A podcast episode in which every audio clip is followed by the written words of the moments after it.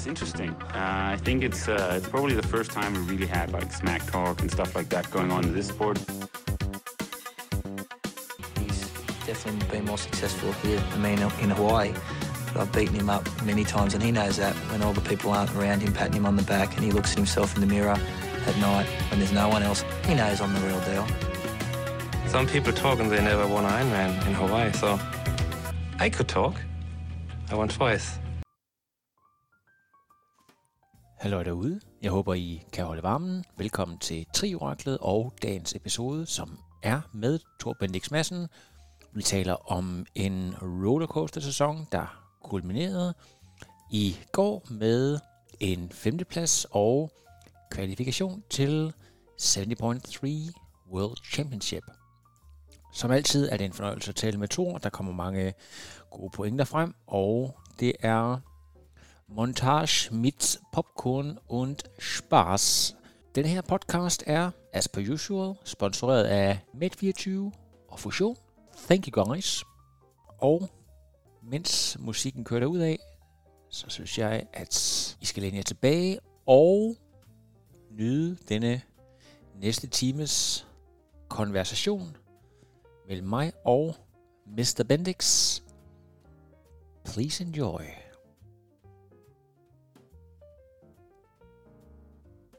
Godt, Thor. Velkommen til. Sidder du nede i øh, cykelkælderen? Ja, jeg har lige gjort min cykel ren, efter den blev lidt beskidt i går. Ja, fantastisk. Øh, du har fået en, en god kulør, kan jeg se. Rengøring. Jamen, det, det skal til. Jeg kan Ja, se. jeg tror, jeg fik, øh, fik lidt for meget sol i går. Ja. Øhm, ja, blevet lidt rød. Thor, grund til, at vi skal tale sammen, det er fordi, du har haft øh, et par spektakulære måneder. Du starter jo simpelthen, hvis vi lige skal lave en ganske kort briefing, med at lave en, øh, det jeg vil kalde for en kvart Fabo Jacobsen, hvor du simpelthen får ommøbleret din øh, tandstilling til en grad, som jeg tror, at de fleste tandlæger vil klappe i hænderne, og så har du haft et par rigtig gode resultater. Først i uh, Challenge The Championship, og rigtig godt i går i Helsingør, der faktisk resulterer i en øh, kvalifikation til VM. Det, det ligger der for den i hus. Ja, fra et ultimate low til en, øh, en, en high note. Hvordan, øh, hvis du sådan skal beskrive det med dine egne ord, de sidste, øh, altså fra omkring marts og så til nu? Ja, jeg synes det... Man skal næsten tage det helt tilbage til det omkring nytår, hvor jeg var på Lanzarote i en hel måned på træningslejr. Ja, Øhm, hvor jeg bare sådan havde sat mig for, at 2022 bare skulle være det helt store år efter et sådan forholdsvis godt halvt år i den anden halvdel af 2021. Øhm, og i slutningen af 2021 er jeg begyndt at få ham med Ronny Snilsnik på som manager til at finde sponsorer og meget mere. Så det var sådan som om, at mit setup begyndte at blive lidt mere professionelt, og jeg trænede virkelig godt nede på Lanzarote sammen med Daniel og Alberte og ja, Magnus og Scott og Tobias. Øhm, så jeg ligesom troet på, at okay, det er det det virkelig nok blive godt år. Øhm, så var jeg lige ja, nogle uger, og så tog tilbage til Lanzarote for at være der op til Ironman 70 i Lanzarote, som skulle køres i start marts. Og så sådan, dagen efter vi ankommer på La Santa, bliver jeg kørt vulcano og så havde jeg tænkt sådan, det var, en, det var godt lige at få banket lidt rust af til træningsstøven, og så køre det. Øhm, men så uheldigvis, eller hvad man skal sige, så har jeg en lidt uheldig situation med en motorcykel, der gør, at jeg nok får, jeg vil sige på grænsen nok, nu har jeg haft et del styrt i mine 22 år, men måske nok det værste styrt, jeg har været udenfor. Øhm, jeg blev slået bevidstløs i, i lang tid. Jeg kan slet ikke huske, at jeg har været i en ambulance, og ja, mine tænder lignede ikke sig selv, og jeg blev syet godt og grundigt på kroppen, og kæmpet med en hjernerystelse i godt stykke tid efter. Så det var bestemt ikke en særlig sjov situation. Hvor- hvordan, Øhm, når, når, derfor, når, når man får sådan en situation der, altså det er det der med, at man kan jo reagere mm. på, på mange forskellige måder, men det er også sådan noget med, at altså det er jo ikke helt ligesom øh, linjeløb i cykling, fordi det er jo også lidt en kontaktsport, man kæmper om pladserne, men øh, man får jo en eller anden form for skræk i livet. Du har prøvet at styrte før, men, men tager det ligesom noget motivation fra dig? Føler du, at øh, taber en lille smule af dig selv i den situation her efterfølgende, hvis du sådan efterrationaliserer? ja, helt bestemt. Øhm, jeg kan både mærke, at sådan, den måde, jeg sidder på cyklen nu, at jeg, at jeg er en del mere bange i nogle situationer, jeg aldrig har været bange i før. Hvilket er meget unormalt, synes jeg. Øhm, fordi jeg synes egentlig, at før i tiden har jeg kørt ret godt teknisk på en cykel i de stævner, jeg har kørt, især på sådan tekniske ruter, og så se, at det ligesom, ja, at det bare falder helt fra hinanden, er ikke sådan særlig sjovt, men jeg tror også bare, at situationen efter var, sådan, var svær, fordi jeg har det sådan med, at hvis jeg laver nogle fejl, eller hvis der sker noget, så har jeg sådan, der var, ja, Frank Jacobsen fortalte mig en gang, en gang jeg var på Next Level Camp, at ligesom alt, hvad man laver, er man selv skyldig på en eller anden måde. Du kan aldrig give skylden fuldt ud til en anden person. Øhm, og det synes jeg egentlig er en, værd, en god ting at tage med, det der med, at selvom at det måske var motorcyklens skyld, så har jeg også en skyld i det styrt, jeg lavede. Altså, det er ikke kun motorcyklens styrt, eller skyld.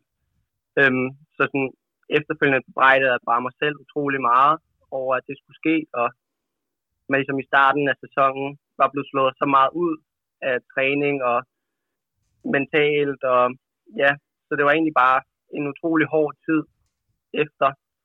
Øhm, ja, sådan, det, det, det tog i hvert fald lidt tid at komme ovenpå, men så synes jeg, at så havde jeg lidt, jeg havde lidt et low point i mit liv, men så var der nogle personer tæt på mig, som jeg har normalt svært ved, ved tårer, men så på et tidspunkt så knækkede jeg sammen.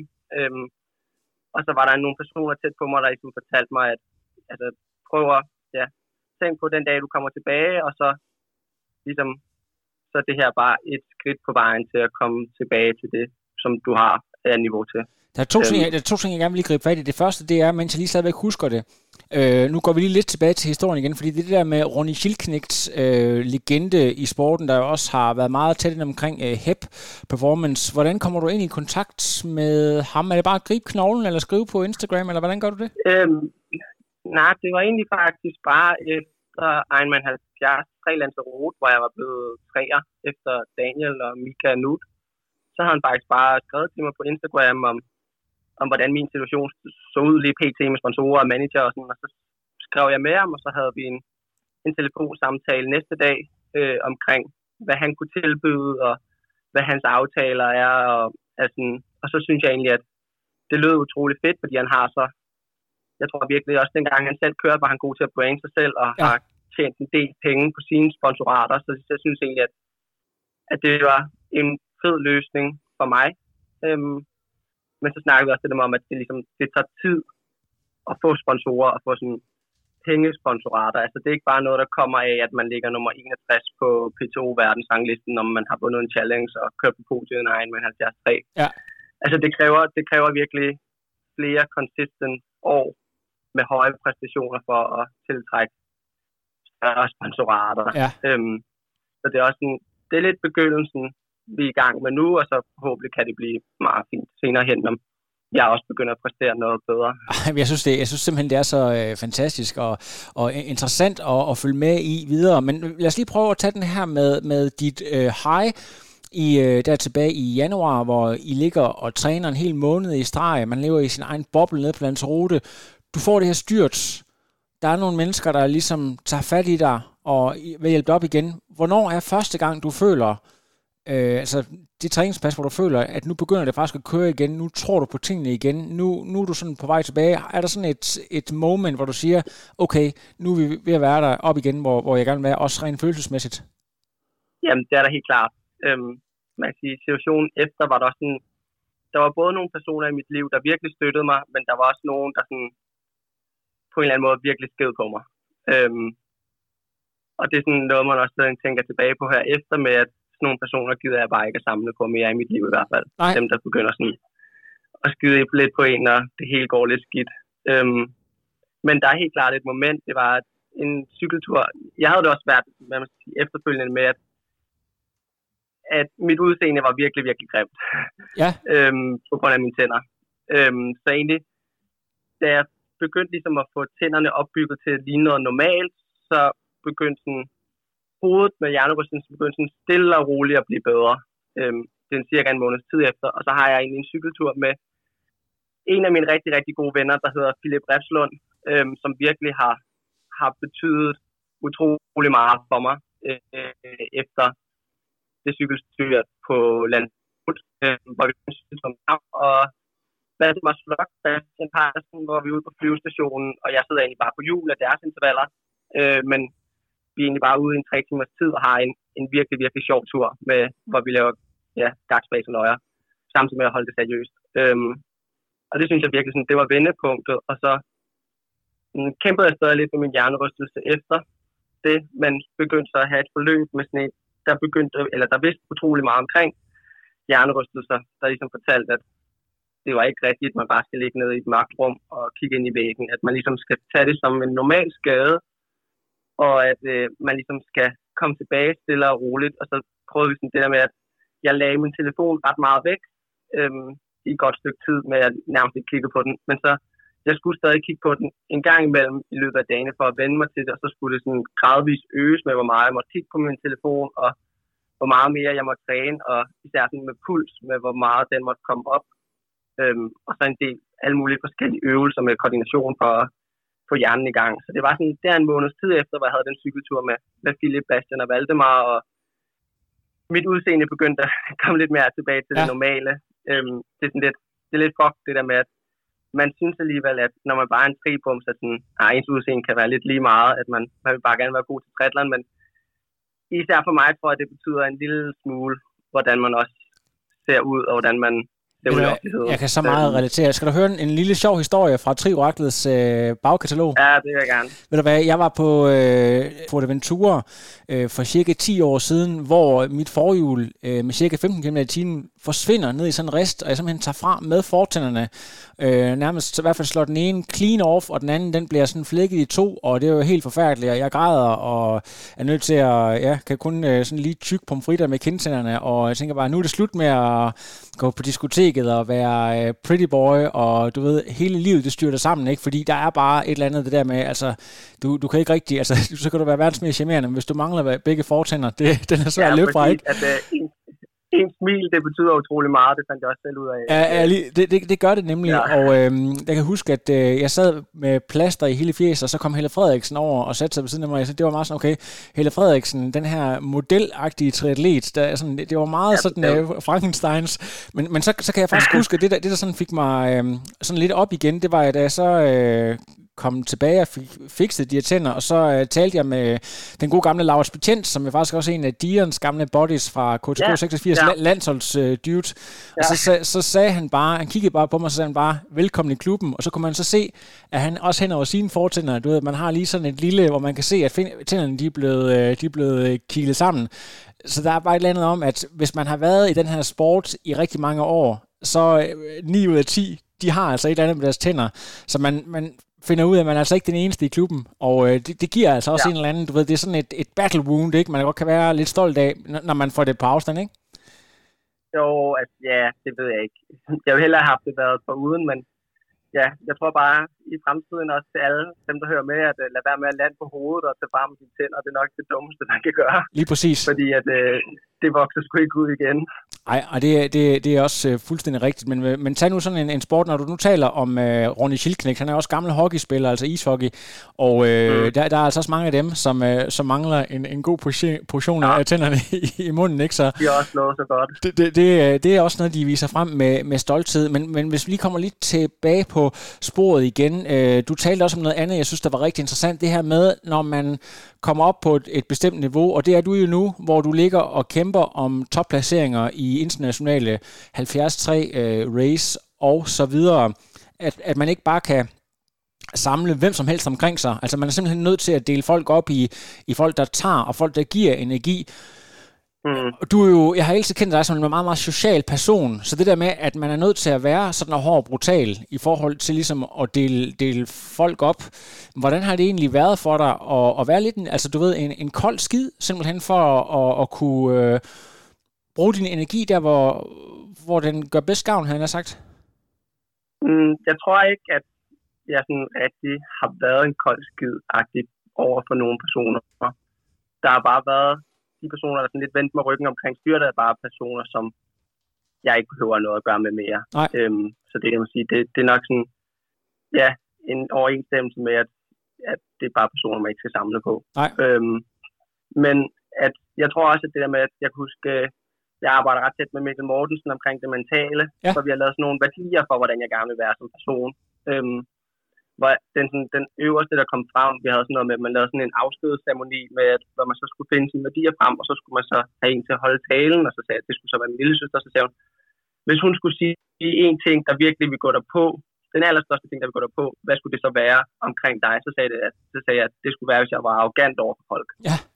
Øhm, så jeg tror helt klart det der med, at, at jeg vil altid gerne prøve at fremstå som en, der gerne vil tale med folk og være udadvendt og social. Ja. Øhm, så jeg tror aldrig på nogen måde, jeg har været en kold skid over for folk. Det håber jeg i hvert fald ikke. Og hvis jeg er det, så håber jeg også, at folk siger det til mig. Ja. Øhm, men ja, det synes jeg også, at hvis man tager det, vi lavede sammen med Mikkel der, det har givet utrolig meget at have sådan værdier på, hvordan man gerne vil være. Øhm, fordi så, sådan, så på en eller anden måde gør det bare nemmere at arbejde hen mod sin mål ved at have de værdier. Øhm, så jeg har for eksempel lavet med øhm, ikke være arrogant, det er en, øh, en værdi, altså det med at være social og udadvendt, øhm, og så være øh, flittig og dedikeret og tålmodig.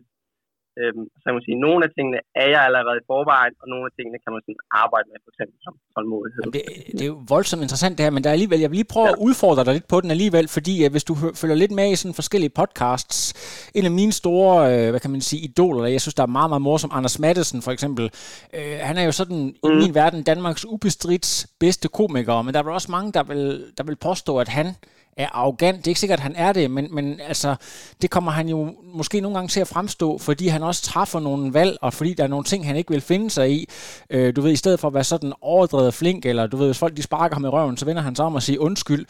Så på et tidspunkt, så, så, så må man vel også simpelthen øh, leve med, det kan godt være, at der er nogen, der tror, at jeg er arrogant. Min nærmeste ved godt, at jeg ikke er det. Men, men hvis jeg skal have det her niveau, og jeg er nødt til ligesom at forlade selskabet tidligt, eller, eller gøre nogle ting, som kan blive tolket som arrogant, eller sige fra over for, for nogle bestemte ting, man simpelthen ikke har tid til. Øhm, er det noget, du ligesom har, har tænkt over, det der med, at du altså risikerer at komme til at fremstå arrogant i en eller anden situation, selvom at det er det værste, du lige nu kunne forestille dig? Øhm, jamen, altså man kunne godt forestille sig det. Øhm, men på en eller anden måde tror jeg også bare, at, at mine forældre er opdraget så meget med at give mere, end jeg tager. Ja. Så det er sådan, jeg har altid været en person, der har lånt utrolig mange ting ud, øhm, selvom at måske ting, man aldrig har fået tilbage igen og alt muligt. Øhm, så jeg tror, at jeg har virkelig svært ved at sætte mig ind i, at jeg ligesom skulle være en kold skid arrogant over for folk. Øhm, men jeg kan da godt se, at der kan godt komme situationer, hvor du er nødt til at, at vælge folk fra i forhold til andre folk. For eksempel kan man også sige, at i sidste vinter havde jeg også en diskussion med mig selv om det der med, at jeg fik det her tilbud fra Ronny Snilknik om at være min manager. Øh, men samtidig har jeg også en af mine aller, allerbedste venner, Kasper Pedersen, som ligesom også har lavet lidt management øh, for mig og Magnus. Ja. Øhm, og det var sådan også det der med, at der havde jeg utrolig, utrolig svært ved at få det egentlig sagt til ham. Det tog to måneder nærmest, før jeg fik det sagt til ham, fordi Ja. Jeg var simpelthen bare bange for, hvordan han ville altså sådan, tage den, øh, altså det, jeg sagde til ham omkring det. Øhm, fordi at jeg ikke vil være en kold skid over for ham og tænke på, hvordan det vil påvirke vores virkelig gode venskab. Øhm, Ja. Men altså, heldigvis så forstod han det 100%, og øhm, han har også meget set til med sin egen trætlerklub, og det man coacher og studier og meget præcis. mere. Så han kunne godt forstå det, men der havde jeg virkelig svært ved ligesom at, at være den her sådan, kolde skid, eller hvad man skal sige. Præcis.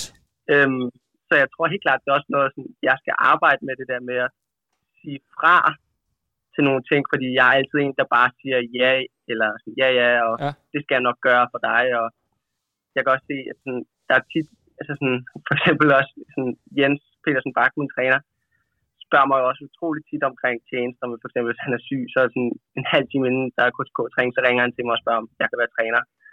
Øhm, man kan sige, nogle gange passer det jo dårligt ind, men jeg ender altid med at sige ja.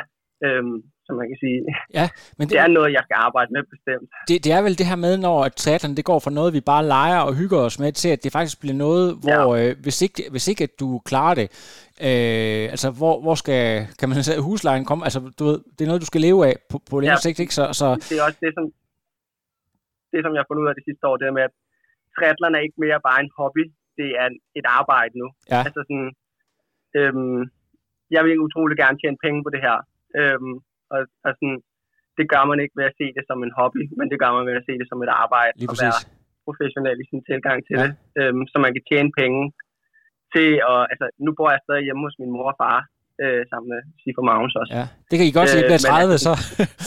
ja, men jeg har da også helt klart planer om, at jeg vil da gerne, utrolig gerne, have mit eget sted. Øhm, men det kræver så, at jeg ligesom tjener penge på sporten, især fordi det er sådan boligmarkedet nu, det er okay dyrt at, at være på. Så To, sådan, øh, nu er ikke, Ja. hvor, hvor gammel er din sådan filmreference? Nu siger jeg, jeg vil bare gerne have mit eget sted. Kan du så fange en reference?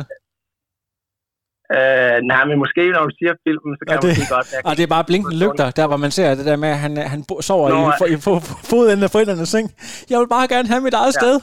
Nå ja, nå, ja, der hvor han, ja, ja, hvor han så spiser det der et Ja. ja. træ. Og, Din ja, far, han kan slet ikke stoppe med at græde. Og det er, det, er fantastisk. det kan være, at Ja. kan klippe øh, lydmontagen ind her i, i podcasten, men lad os lige prøve Ja, ja, at gå tilbage og tale øh, om noget race, fordi nu er jeg jo desværre selv i ilden, så jeg sad ikke og så med. Men øh, jeg ved da i hvert fald, at din mor skrev til mig, fordi hun var grummestolt. Du øh, kørte Challenge the Championship og stiller cyklen som øh, nummer et, faktisk, så vidt jeg øh, er orienteret. Nej, Eller hvad? jeg stiller cyklen som fire i, i Samorin, men, øh, men cykler klart det hurtigste. Du har hurtigste split, det er sådan, lige, øh, Ja. Der var lige Miki og Richard Varker og Peter Himrik ude foran. Ja. Øh, Men øh, lidt over et minut tid foran. Du fik vist også et dejligt uh, nickname, Thor. Det er jo simpelthen bare en guds gave til en kommentator. Ja. Der er jo så mange forskellige ordspil, man kan lave på det. Og det er jo klart, at det, ja, det er jo sådan, også det der med at bygge sig selv et brand, så så når der kommer sådan nogle øh, catchphrases, øh, ligesom der var med Torbjørn Sindbæl, ikke? Øh, Freight Train Dane, og hvad man ellers kan finde på. Altså det er jo sådan noget der, som du også skal, skal bilde på. Hvordan, hvordan var egentlig øh, sådan responsen efter? Du, du fik endte med at få en 6. plads, som jeg går ud fra, at du var godt tilfreds med. Ja, altså, jeg var godt tilfreds med den i situationen, kan man sige. Jeg synes, at jeg eksekverer lidt et, et up-and-down-stævn. Øh, måske træffer nogle dumme taktiske valg med bare at trække Gustav ideen rundt på hele cyklen, så han kan gå op og så smadre de tre ud foran. Jeg tror, at altså, ja, nu skal jeg jo så passe på, fordi jeg siger, at jeg ikke vil være arrogant, men man kan godt sige, at det er måske en lille smule arrogant sagt, men han godt lige kunne have givet 20 procent af sin præmiepenge til mig, Ja. øh, for det, som jeg lavede, lavede for ham.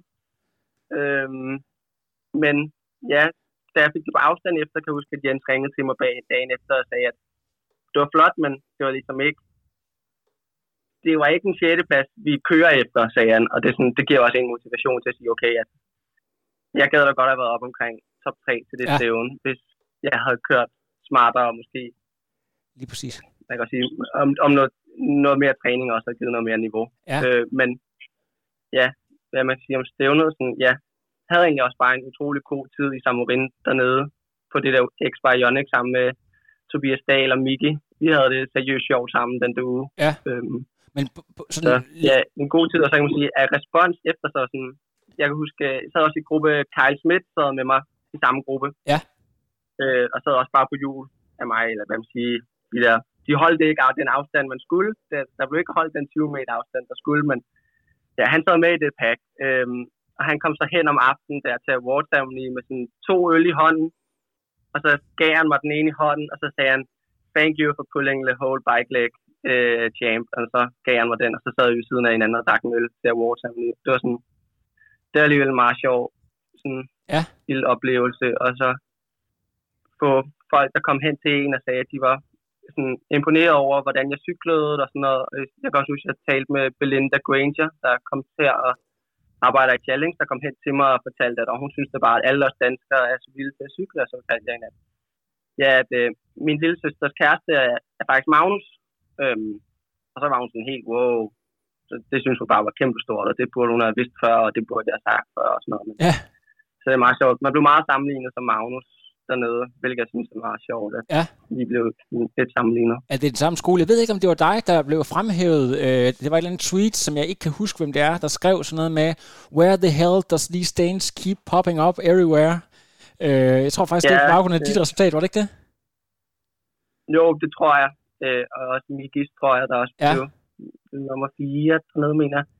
Øhm, men jeg tror også bare, det er den måde, som vi danskere sådan, kører på. Ja. At, sådan, det kan man også se i går, at sådan, de tre drenge med størst øh, balls i hele feltet, det er også de tre drenge, der sætter cyklen først alene, uden at ligge i et, øh, i et kæmpe draft pack nede bag i. Altså, jeg synes, at øh, Ja, nu skal jeg passe på igen der med at sige noget arrogant. Nej, nu skal du bare, nu skal du bare huske, du på podcasten. Vi vil faktisk gerne... Øh, ja, ja, det, det, er god radio. Altså, de, de personer, der lå i det der chase pack der, altså, de burde simpelthen bare få et nakkeskud. Altså, jeg ved ikke, hvad jeg skal sige til det.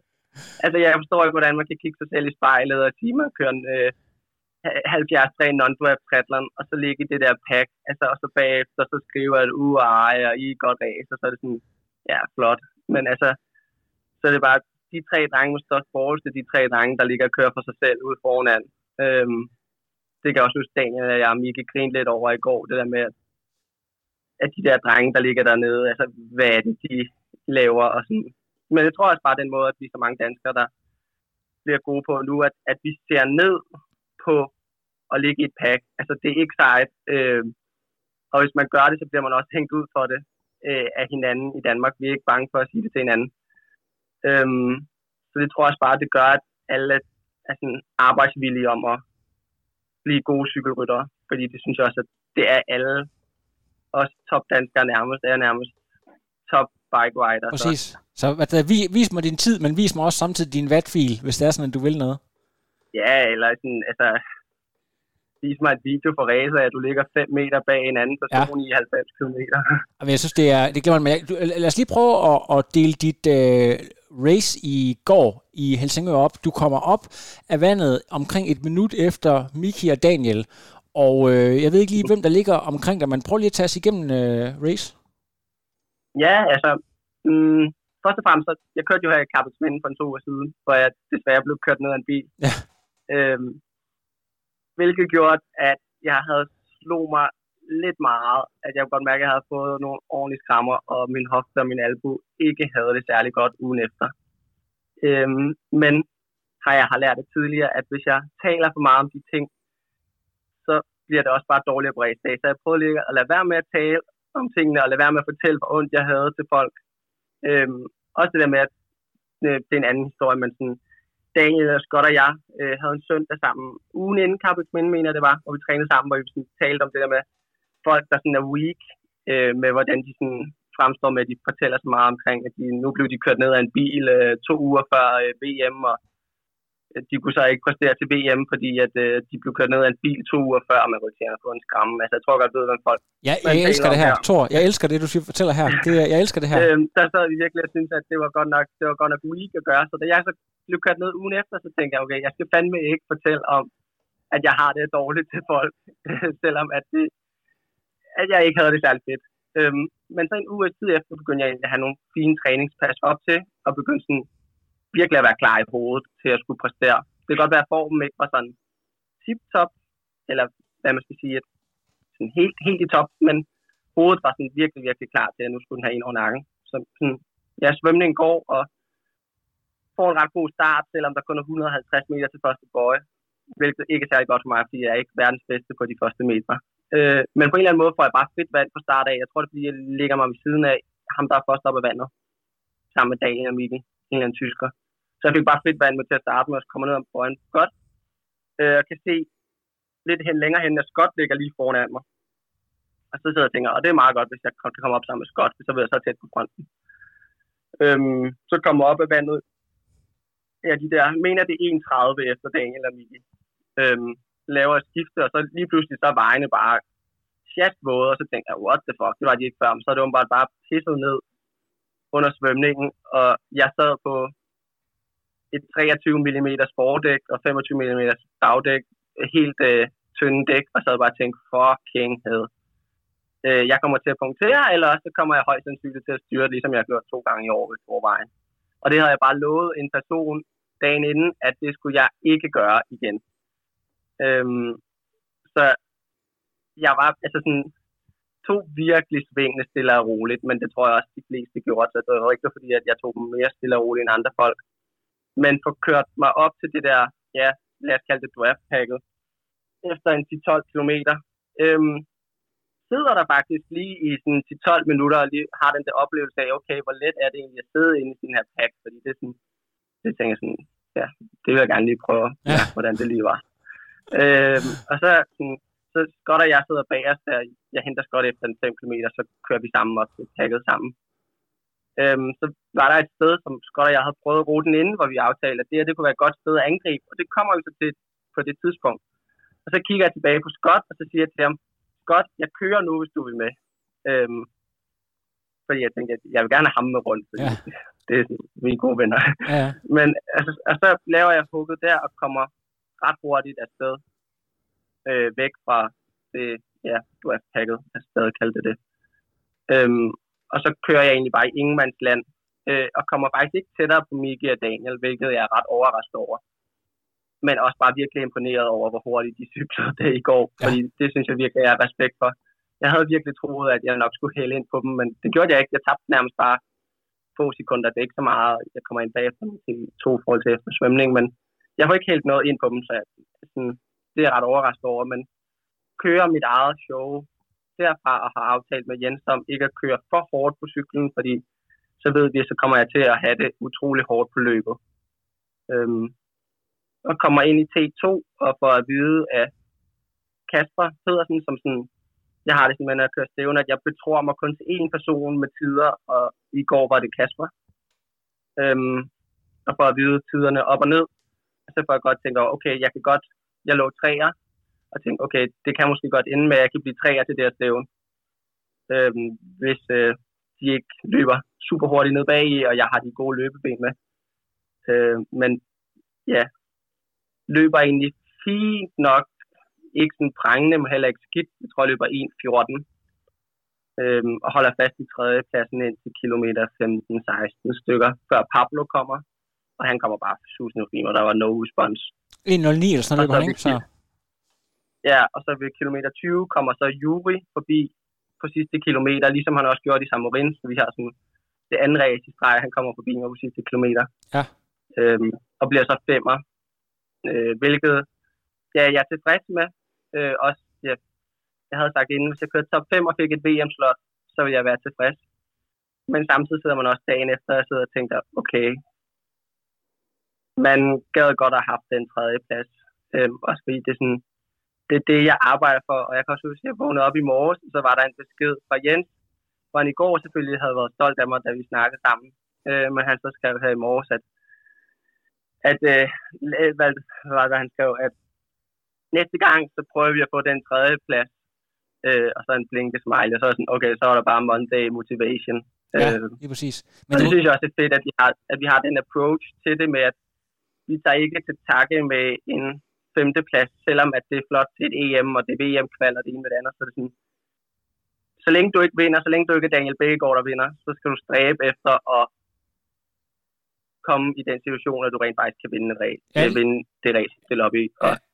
det synes jeg er det, som vi så arbejder nu hen imod, det er ligesom at ja, blive bedre stillet i racen til måske at kunne køre podier og sejre hjem i Ironman 70 lige præcis. Hvordan har du det egentlig med nu, at øh, du sammenligner med over de sidste 4-5 år, så vil jeg sige, at i år er første gang, hvor storfavoritterne er danske, er folk, du kender. Det er ikke øh, Javier Gomez og øh, Rudy von Berg og øh, hvem der ellers har været af de her øh, folk, der, der, er- der er kommet udefra. Selvfølgelig, jamen, der kan der være mange forskellige grunde til. Dels så øh, er øh, hele race-sæsonen kastet sådan lidt op i luften, øh, og tingene er åbne efter corona og så videre, så der kan være mange grunde til, at det ser ud, som det gør, men altså, det er jo nok øh, Miki og Daniel, der, der var forhåndsfavoritter, men, men, men når du kigger på, hvem du gerne vil slå for inden, og det er sådan nogen, du faktisk kender enormt godt og har et godt forhold til, kontra nogen, der, der flyver op fra New Zealand, eller hvor de ellers kommer fra, øh, gør det nogen forskel i forhold til, hvordan du kigger på tingene? Mm, det gør det faktisk en lille smule. Det tror jeg, at sådan, Daniel og Miki ser jeg som sådan være ja, fine kammersugar. Vi har det sjovt sammen, når vi er sammen. Øhm, øh, og jeg synes det med, at jeg har nok nemmere ved at være måske et ondt svin mod Pablo og Juri, der så bliver 3 og 4, end jeg har mod at være et ondt svin mod Daniel og Miki, der bliver 1 og 2. Ja. Men samtidig så er der ikke noget, jeg hellere vil i verdenen, end at slå Daniel og Miki. Øh, fordi de er danske også.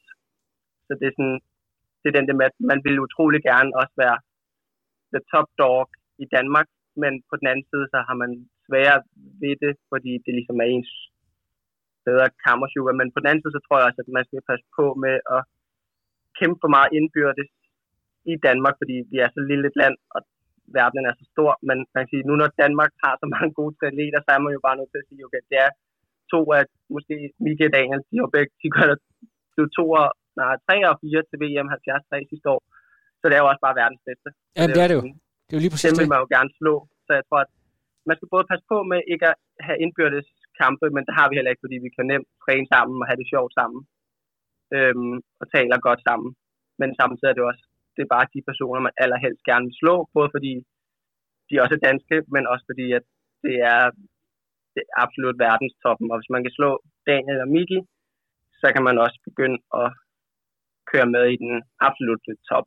Ja, og det er jo virkelig interessant, at det er der, vi kommer til. Og jeg skal også lige hilse at sige, at øh, det sjove, det er jo, at samtidig med, at der så er flere danskere end internationale, så er feltet jo på ingen måde blevet sværere, nærmest svært imod. Nu er det, det, det er bare danskere, Nej. der ligesom, øh, Ja, der det- ligesom øh, udgør favoritterne. Det er virkelig, det er virkelig fedt med at se, hvordan dansk langdistance triathlon har udviklet sig Ja. de sidste par år. Nærmest siden Daniel begyndte at steppe op til det efter hans kort distance, der er det bare begyndt at steppe op, efter han har gjort det Ja, nærmest. det, det er også, og, Han har ligesom bare ledt vejen for alle os andre Ja. øh, til, hvordan det skal gøres. Øhm, så det er sådan, jeg synes bare, det er utroligt, utroligt vildt at se, men det tror jeg også, at komme tilbage til den snak, vi havde før med, at, at vi er så arbejdsvillige, og vi tør lægge så mange timer i det. Jeg kan også huske, Daniel og jeg grinede lidt der på Lanzarote med, at øh, hvor meget Daniel og jeg trænede i forhold til, hvor meget tyskerne trænede. Øhm, og så var vi også sådan lidt, de, de, de træner da ikke særlig meget. Øhm, sådan, det var lidt en omvendt skole i forhold til tidligere, at tyskerne trænede utrolig meget, og så, sådan, så hørte man lidt, hvad nogle af de der erdinger drenge, de lå og trænede, da vi var ude og træne med dem, og så var sådan, nå okay, Daniel og jeg, vi ligger nærmest til tredje, det træner det dobbelte, altså vi lå og trænede plus 40 timer om ugen dernede, så om de sådan var lidt, øh, ja, om de ikke turde eller hvad det var, men ja, der er forskellige veje til Rom. ja, men lige præcis. Det er også... Jeg øh, tror også bare det der med, at, at alle danskere, der kommer frem, er bare arbejdsvillige. Ja. Synes også, man kan se det med de folk, der ligger sådan, i sådan, hvad man skal sige, semi-eliten i Danmark, eller hvad man skal sige, altså sådan, folk, der er lige ved at tage skridtet ind på den større scene, øhm, kan man også bare se, hvor hårdt de arbejder. Altså, jeg synes, det er helt sindssygt at se nogle af dem fra øh, KTK, øh, hvor hårdt de arbejder med det. Øhm, men det tror jeg også bare, at den måde, som vi viser os frem på, hvordan Daniel viser sig frem med, hvor hårdt han arbejder, og så er det bare, så vi lagen under os arbejder lige så hårdt. Så Ja. det bliver bare sådan, det var sådan til træning, så er sådan, laver vi utrolig sjov med, at hvis for eksempel Scott, han har øh, 31 timer på en træningsuge, og jeg kun har 30 timer, så, er det sådan, så bliver man bare hængt ud. Og det er sådan, når jeg træner du kun, øh, jeg træner 6 timer i går, så siger man, jeg træner kun 5, og så er det bare, så bliver man hængt ud. Så det er sådan, den det med, at man vil ikke være ham, der gør mindst. Jamen, jeg, jeg Øh, elsker det det. kan både være farligt, og, altså det kan både være farligt og godt, men altså, jeg tror også, i hvert fald i KTK har vi et sundt forhold til at, at sådan, hænge hinanden ud, hvad sådan noget angår. Øhm, så det synes jeg er bare fedt. Ej, det, det er fremragende, men, men har du så her i dag, øh, når du sådan øh, har lidt øh, race tømmermænd, har du så haft lommeregneren fremme, fordi at øh, det er jo, øh, er det 15-20 sekunder eller sådan noget, du har op til det næste, og inden for et minut af den der tredjeplads der, så du kan jo godt sådan se, hvor, er det lige, jeg taber sekunderne henne? Øh, Ja, øh, helt klart. Også fordi der er alligevel nogle præmiepenge, man lige... Altså, jeg mener, jeg fik 2.750 euro, og jeg mener, en tredje plads havde givet omkring 4.000 euro, så det er alligevel en chat, Ja. du mister. Øhm, så det er man da også, det er også det med, at i går var jeg egentlig ret tilfreds med min femte plads og VM kval, men i dag sidder jeg bare og tænker, fucking havde jeg gad godt at blive nummer tre, og Mm. have stået der og indsprøjtet øh, Media Daniel i champagne og Ja. coachet, og altså, nu, nu kommer jeg lige til at tænke, fordi vi startede jo programmet med at, med at tale lidt om det der med, at du, du måske ikke tager helt de chancer, du ville øh, på, på cyklen tidligere. Øh, Jeg var faktisk også lidt overrasket at se, at du tabte øh, to minutter til Miki mm. Og, og Daniel. Føler du, at det kan være noget der, hvor du måske tidligere ville, ville have taget nogle sving hurtigere, gjort nogle ting? Øhm, kan der stadigvæk ligge en lille smule der, tror du? Ja, helt klart. Jeg kunne virkelig mærke, at der var steder, jeg var bange. Jeg kan også Mm. huske, at jeg kom op til Scott. Øhm, kører forbi Scott, så kører vi igennem sådan et sted, hvor man sådan kører. Det er ikke fordi, det er 90 grader sving, men det er sådan, det er sving, hvor det, sådan, det har lidt kurve på, men vejene var så sjast våde, hvor Scott kommer op forbi til mig, så siger han, hold nu op med at køre som en fucking tøse dreng, Thor. Så kører han forbi mig. Så sådan, det, det gav lige sådan ild i en, hvor jeg siger, okay, Ja. tag nu sammen, Thor. Også fordi det er, sådan, det er den måde, vi taler til hinanden på, og det er den måde, vi kan tage pis på hinanden på. Ja. Og det er jo bedst.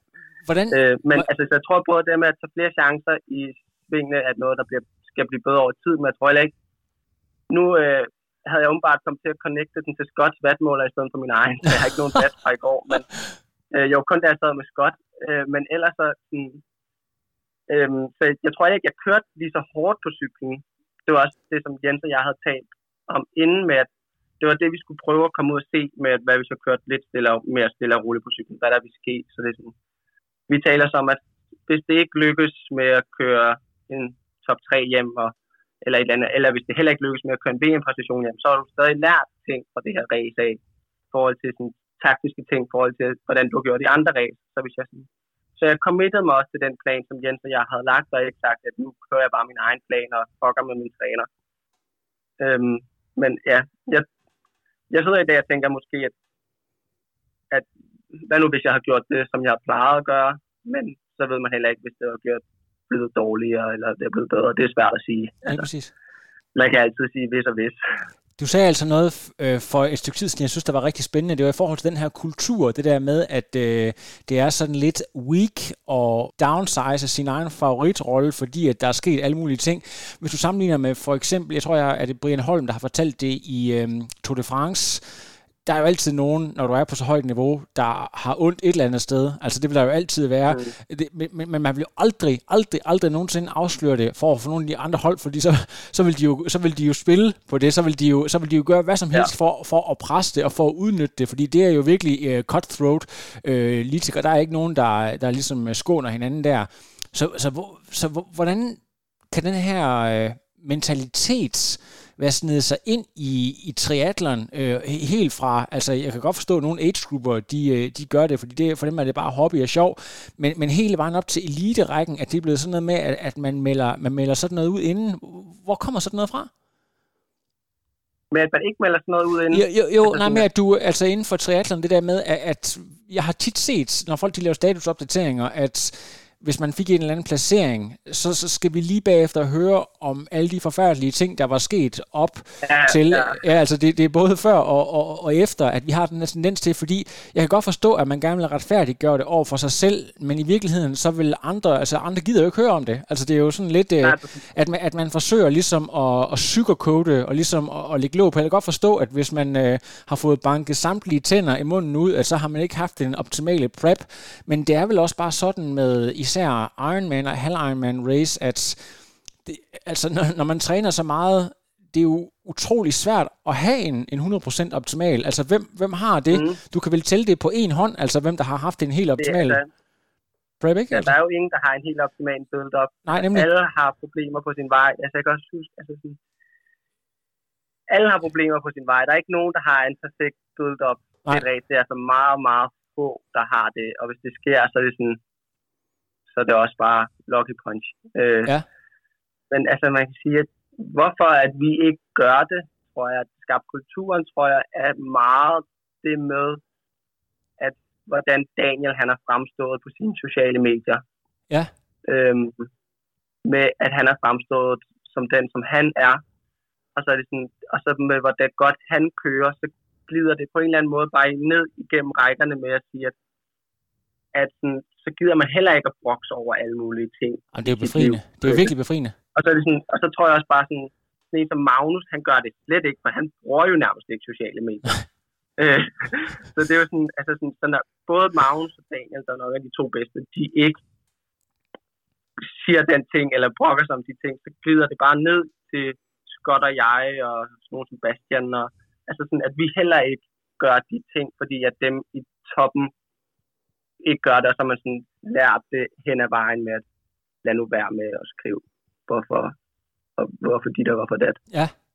Jamen, jeg, Så jeg tror egentlig bare, den måde, som de har gjort det på, så er det bare Ja. ned til os under, at vi sådan, det er che- che- chefen, der ligesom øh, er kulturpræcedensdanner, og så går det ned. Jamen, jeg, jeg synes, øh, altså sådan, Ja. sådan fra et kulturperspektiv, synes jeg, det er monster interessant. Men så et andet spørgsmål i forhold til Scott, som jo også er en af mine darlings, øh, ja. fordi han har så, go- så, så god humor. Det er med at have, altså man kan godt sige, jo, men det kan da godt være, at der er nogen, øh, der tager sporten meget mere seriøst, sådan at nu skal det virkelig, men det her med at have en person med ekstremt god humor i sådan et squat der, hvad det betyder for, for det hele. Kan du prøve at sætte på på det? Det betyder virkelig alt. Altså, det sidste års tid, hvor Scott han er kommet ind i klubben, det har virkelig været det sjoveste år i mit liv. Øh, jeg har kendt Scott i mange år, men jeg har ikke trænet med ham i dagligdagen før reelt set det sidste års tid. Øhm, så vi har altid været virkelig gode venner, men vi har aldrig trænet meget sammen. Øh, og jeg synes bare, at den måde, som Scott han kan komme ind, og så kan han bare flå taget af, det er så fucking sjovt. Og det er sådan, jeg kan ikke forstå, hvor hurtigt hans hjerne den går nogle gange med de ting, han kan opsnappe og sige. altså sådan, jeg kan bare huske den tur, vi havde til Mallorca sammen, hvor vi kørte Ironman 70 til Mallorca. Det var den sjoveste uge i hele mit liv. Vi havde det så fucking sjovt. Også fordi på mange punkter er vi meget samme person øh, med, hvordan vi gør ting. Mm, og jeg synes, det er så, altså det var så fucking sjovt. Og man ved bare sådan, Scott han har det med, at når han kommer til træning om morgenen kl. 600 i Bellerhøj, hvor vi måske er i omklædning kl. 20.06, så kommer han bare med musik på skulderen, med et eller andet fedt nyt musik, han har, og så kommer han bare ind, og så headbanger han bare med sit hoved, og vi har det sådan lidt en sjov med, at man ved bare, at Scott han er fucking farlig. Hvis han begynder at headbange med sit hoved, så ved man så, så er han flyvende den dag. Så det er sådan, altså det, det er sjovt. Men jeg tror også, man skal også tage Scott for en anden gut end kun være den sjove gut. Han er også utroligt dedikeret og seriøs omkring sin triathlon. Ja. Som virkelig få faktisk forstår, hvor seriøs og dedikeret han er. Altså han er, han er virkelig seriøs og dedikeret omkring sin tilgang til sporten.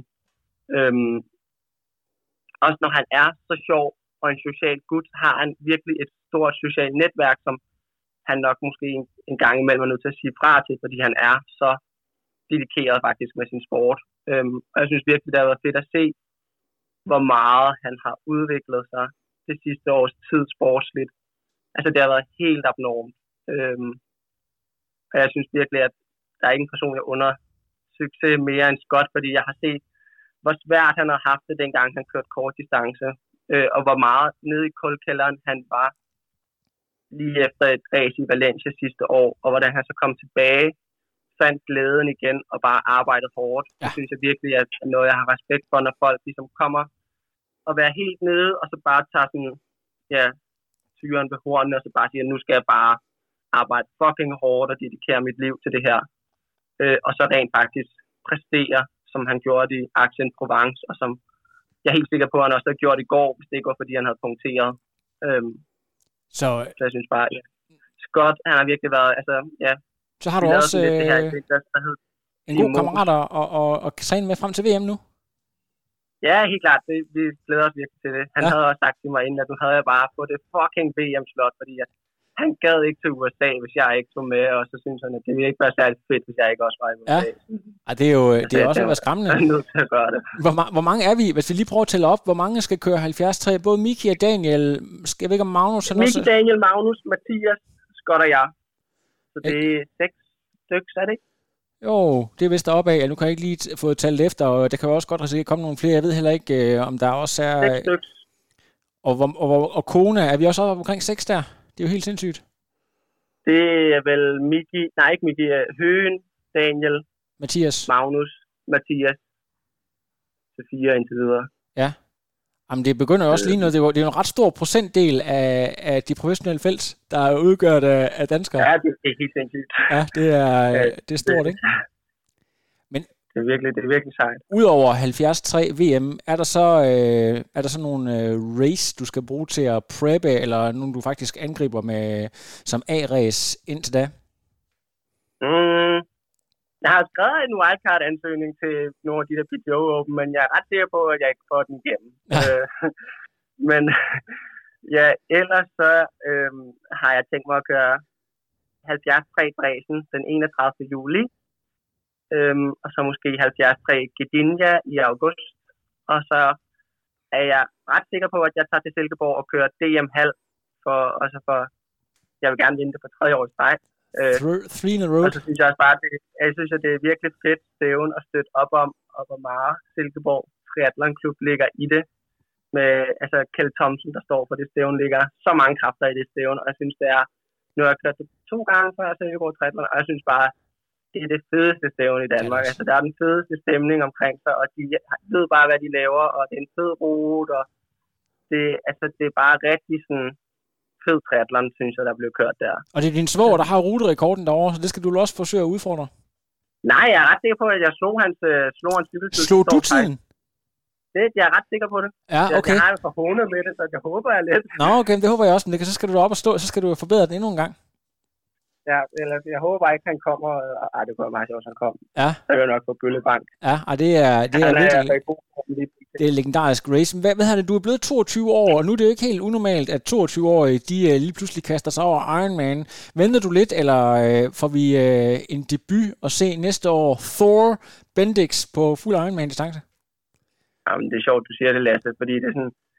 Jeg har virkelig gået og pladet Jens om, at øh, om jeg ikke snart må køre en Ironman, og han siger bare nej hver gang. Jeg havde sådan lidt fucking had. Men Ja. også Magnus er begyndt at køre det nu, og så siger han sådan, nej, men Magnus er også to år ældre, end du er. Så, men ved du hvad, det er da lige meget. Men ja, men mm, jeg plager ham stadig lidt om at køre en Ironman. Mm, der er en, der ligger i august, men jeg er ret sikker på, at han stadig vil sige nej til mig. Øh, men jeg har i hvert fald fået lov til at køre ind næste år. Du ved godt, at øh, hvis der er nogen, der skriver ind til det hedengangne masse monopolet for at spørge, om øh, det er okay, at de får en piercing i næsen, og så svarer det er, det, det er ikke noget, du skal spørge. Man får en piercing i næsen for at lave protest mod ens forældre, så du, øh, det, det er det samme, Ja, du gør. Du kører det gør. Ironman, så er det protest.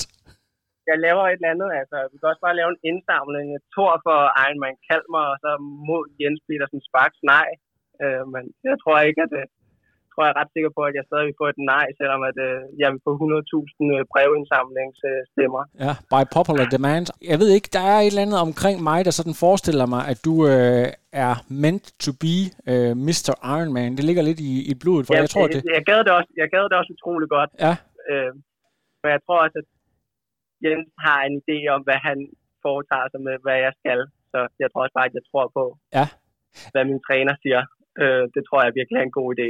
Øh, men ja, jeg glæder mig utrolig meget til det også, fordi den måde, jeg kom ind i triathlonsporten på, var lidt sådan den der fascination af Ironman Hawaii. Ja. Øhm, så det er også helt klart noget, man gerne, at det, gerne vil prøve en dag. Lige præcis, at det, der start, det startede med. Når du så har været i ilden i går, har du så, øh, altså det var også den sygeste dag, altså det er jo sådan noget med, at jeg var faktisk ude at træne, fordi hvis jeg skulle have siddet og fulgt med på alle de skærme, alt det der foregik, så tror jeg, jeg havde fået sådan en mental overload, så jeg valgte faktisk at, at cykle ud, og så først øh, dykke ned i det, da jeg kom hjem. Men Jamen, det jeg forstå. med, med alle de ting, der har været, at vi snakker altså øh, relay team, der er blevet øh, syv mm. i verden, ikke? Vi snakker Ja, Alberte, og Albertes, der er blevet nummer fire. Jeg Alberte, tror måske, det er ja. de største resultater, altså overhovedet. det er fucking sejt. Altså, da jeg læste det, jeg synes, jeg havde så meget respekt for det.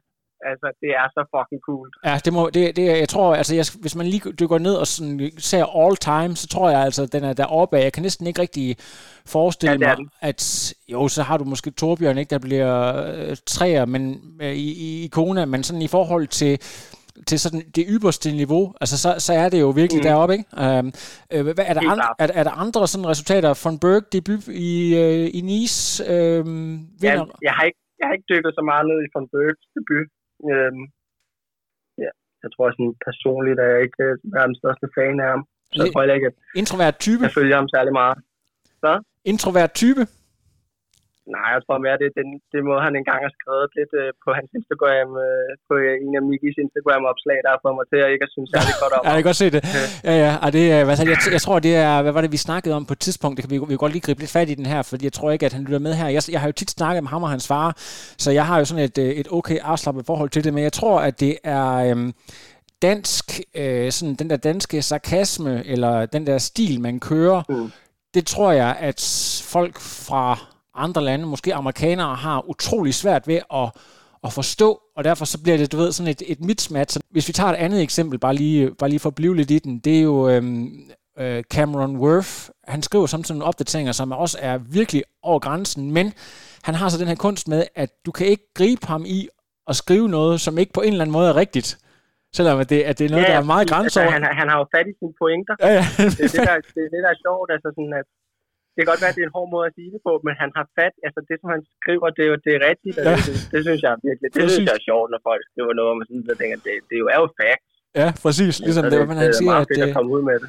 at uh, Lucy, Lucy Charles, uh, at, ja, hvad hedder det, Reese uh, Barkley, uh, at, at det må være hårdt at, at, blive, at, at blive slået af sin kone i, i hver eneste race, man stiller op i.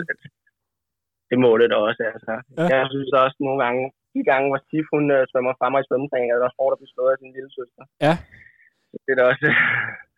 You live and you learn. Ja. Hvad der, ja, præcis. der er kommet en ny øh, direktør i forbundet, nemlig øh, legenden ja. Rasmus Henning, og jeg var faktisk lige ved at stjæle hans billede og så skrive fire legender. Jeg synes, det var måske lige lidt for meget, lidt brown nose-agtigt nok. Og, og, og, Nej, men jeg, jeg, jeg, vil heller ikke betegne mig selv som en legende endnu. Altså, det tror jeg i hvert fald, det er hvad sådan. men, men hvordan har du det? Det må jo også være en, som du, jeg kan ikke huske, har, har, fulgte du med i sporten, mens han stadig var aktiv, eller var det lige på grænsen? Mm, det, det var sådan lige da jeg kom ind, var det sådan, efter han var stoppet. Ja. Øh, men er helt klart en, som man har hørt utrolig meget om, og han var jo sådan virkelig den aller, allerbedste. Og jeg synes også, det der med, hvordan han skriver, han, han, er, god, han er utrolig god til at skrive til alle os atleter i dagligdagen, ja. faktisk. Selvom han ikke engang er startet som CEO endnu, så ligger han utrolig mange kræfter i det, Ja. som jeg synes virkelig er fedt.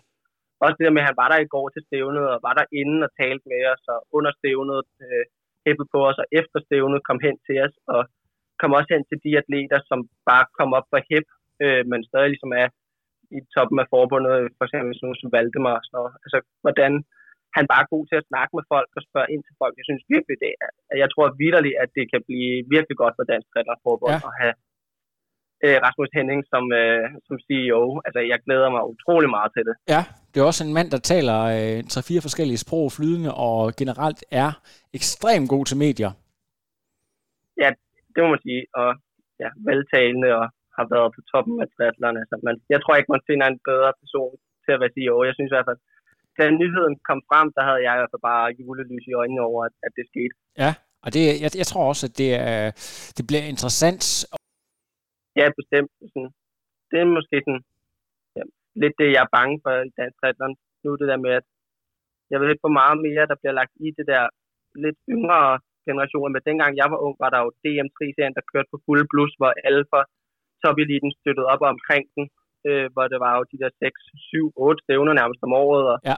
folk kom til dem, og, altså sådan Schilling og Stenderup og Daniel og alle dem, der var på toppen dengang, kom og støttede omkring dem, og det, det er der jo ikke rigtig mere, så det er det med, at nogle gange går man lidt og frygter omkring, om der sådan kommer et nyt kul op, men det må man jo håbe, at, at der gør, og sådan en som Rasmus kan hjælpe med, at, at der ligesom bliver skabt et grundlag til, at, at der kan komme et nyt kul op, som der bare kan, om otte år, så bliver du bare kørt i sønder sammen med en eller anden 20-årig øh, gut, der bare er sygt god.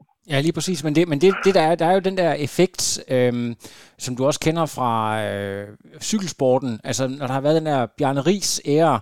Så dem, der har siddet og set det som børn, der kaster sig Mm. over sport med liv og sjæl, ikke? så går der lige øh, nogle år, ikke? Så, så kommer den generation frem, og det er jo, altså, der sidder jo garanteret også nogle helt unge nu, der sidder og ser dig og Daniel og Miki og Høen og så videre. Øh, forhåbentlig, så giver det et eller andet. Men der er lige, der er lige en, en hurtig pointe, som øh, jeg gerne lige vil øh, dele med dig, som jeg synes er virkelig genialt. Det der DM-ugen-koncept, altså hvor du har alle de mindre forbund, der inden for den samme uge Mm. holder danske mesterskaber. Og jeg ved godt, der var også øh, noget i Aalborg DM øh, på kvarts. Hvis man nu forfiner det en lille smule og, og hyper det endnu mere, og så samler det inden for den der uge der, og laver sådan et øh, lidt mini-OL, så bare som dansk mesterskab, og man ligesom kan Mm. fi- feede på hele den der mediehype, der er om alle de der små forbund med, med triathlon, det tror jeg virkelig øh, er noget, man skal kigge mere Ja. på. Altså, Det tror, jeg, det tror jeg helt klart også. Også det med, at så kunne det blive, jeg så nogle sportsgrene, jeg sad og så sådan noget stand-up paddleboard på øh, Ja. DR2, altså sådan, så kunne sådan noget blive live transmitteret som triathlon, men det, det gør bare, at man ikke lige skal ramme ind i samme weekend, som der er øh, europæisk eller øh, europæisk mesterskab på 73, sådan, så man rent faktisk kan støtte op omkring stævnet. ja, nemlig. Øh, men jeg synes, ideen omkring det er super god med at have den der DMU. Også jeg synes, det, det ser ud som om, det fungerer meget godt i, i de andre sportsgrene, som atletik og svømning og cykling. Lige præcis. Og, hvis, og, så jeg synes virkelig, også hvis jeg sidder og set noget DM-svømning og sådan noget. Og jeg, jeg er sikker på, at hvis jeg nu... At, det er, en, det er en god idé. Nemlig, og, og, og hvis det er sådan, at øh, de store øh, kanaler, DR, DR2 og så videre, de øh, konsekvent filmer fra det, så vil det også motivere øh, bedre navn til at komme mm. og sige, okay, der er rent faktisk øh, stor eksponering på det her. Lad os prioritere det, øh, og så kommer der måske sådan en, øh, ja, en, en dobbelt effekt af det.